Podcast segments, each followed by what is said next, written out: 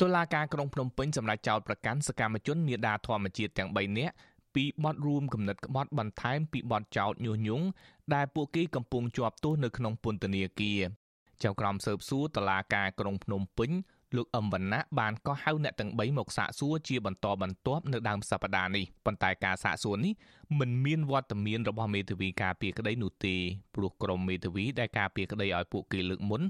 មិនបានដឹងពីការបញ្ជូនពួកគេចេញពីពន្ធនាគារដើម្បីដំណើរការសាកសួរនេះទេមេធាវីការពារក្តីឲ្យសកម្មជនមេដាធម្មជាតិទាំង3នាក់គឺលោកសំចម្រើនប្រាប់អាស៊ីសេរីនៅថ្ងៃទី21កក្កដាថាលោកធនរដ្ឋាបានផ្ដល់ដំណឹងមកថា រូបគេត្រូវបានគេបញ្ជូនមកសាកសួរអំពីបទចោទករណីថ្មីនេះកាលពីថ្ងៃទី19កក្កដាចំណែកកញ្ញាឡុងគុន្ធាលោកថាអាញាធមបានបញ្ជូនមកសាកសួរកាលពីព្រឹកថ្ងៃទី20កក្កដាហើយកញ្ញាភួនកែវរស្មីត្រូវបានគេបញ្ជូនមកសាកសួរនៅថ្ងៃទី21កក្កដា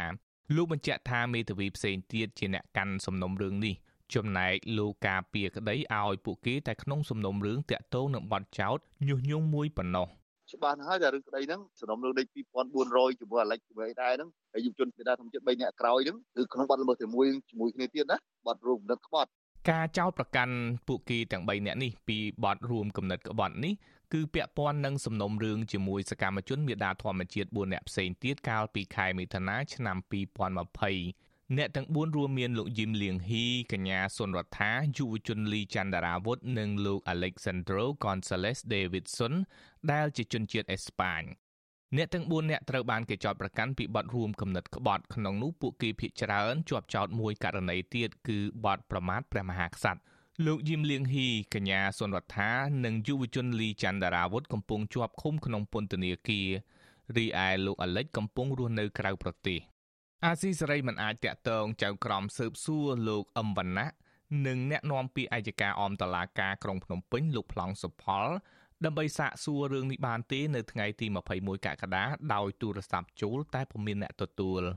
អញ្ញាធររបបលោកហ៊ុនសែនបានចាប់ខ្លួនលោកធុនរដ្ឋាកញ្ញាឡុងគុន្ធា និងកញ្ញាភួនកែវរស្មីកាលពីដើមខែកញ្ញាឆ្នាំ2020 ការចាប់ខ្លួននេះកើតមានជាបន្តបន្ទាប់ពីកញ្ញាឡុងគុន្ធាបានប្រកាសពីគម្រោងស្លៀកពាក់សដើរចេញពីវត្តភ្នំទៅភូមិគ្រឹះលោកនាយករដ្ឋមន្ត្រីហ៊ុនសែន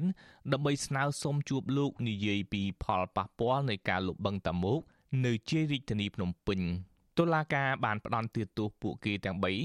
យជាប់ពន្ធនាគារពី18ខែដល់20ខែក្រោមបទចោទញុះញង់ឲ្យមានភាពវឹកវរធ្ងន់ធ្ងរដល់សន្តិសុខសង្គម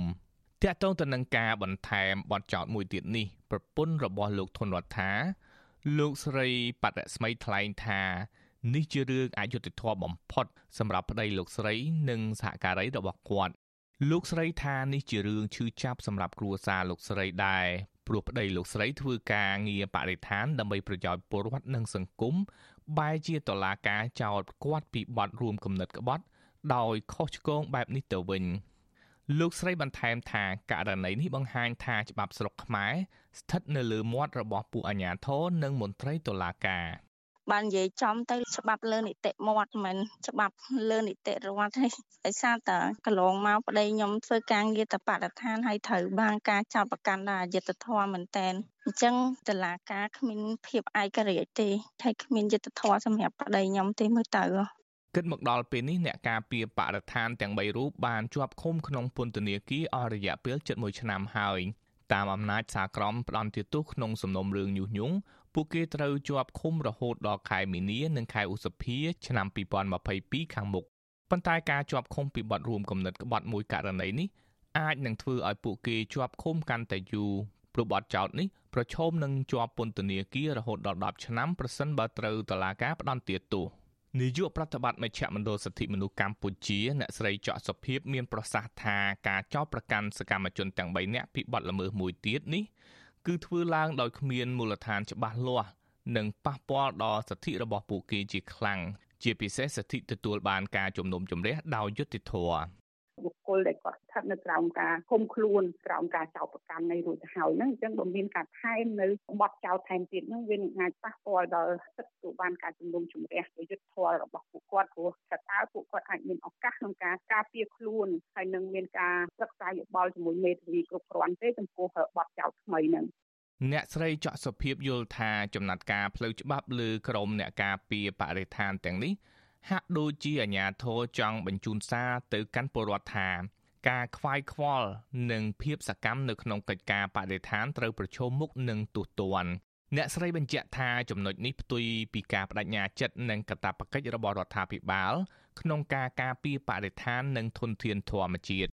អ្នកស្រីទទូចដល់អាជ្ញាធរឲ្យបញ្ឈប់ការធ្វើទុកបុកម្នេញលើអ្នកការពារបរិស្ថានជាបន្ទាន់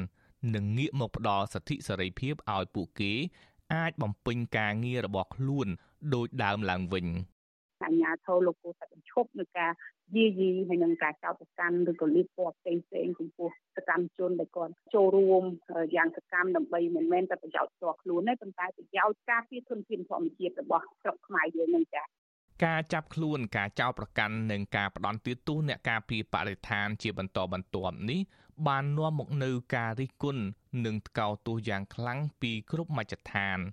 សហគមន៍ជាតិនិងអន្តរជាតិបានចាត់ទុកទង្វើបង្ក្រាបនេះថាជាការសងសឹករបស់អាជ្ញាធររបបលោកហ៊ុនសែនទៅលើការការពារបរិស្ថានរបស់សកម្មជនទាំងនោះ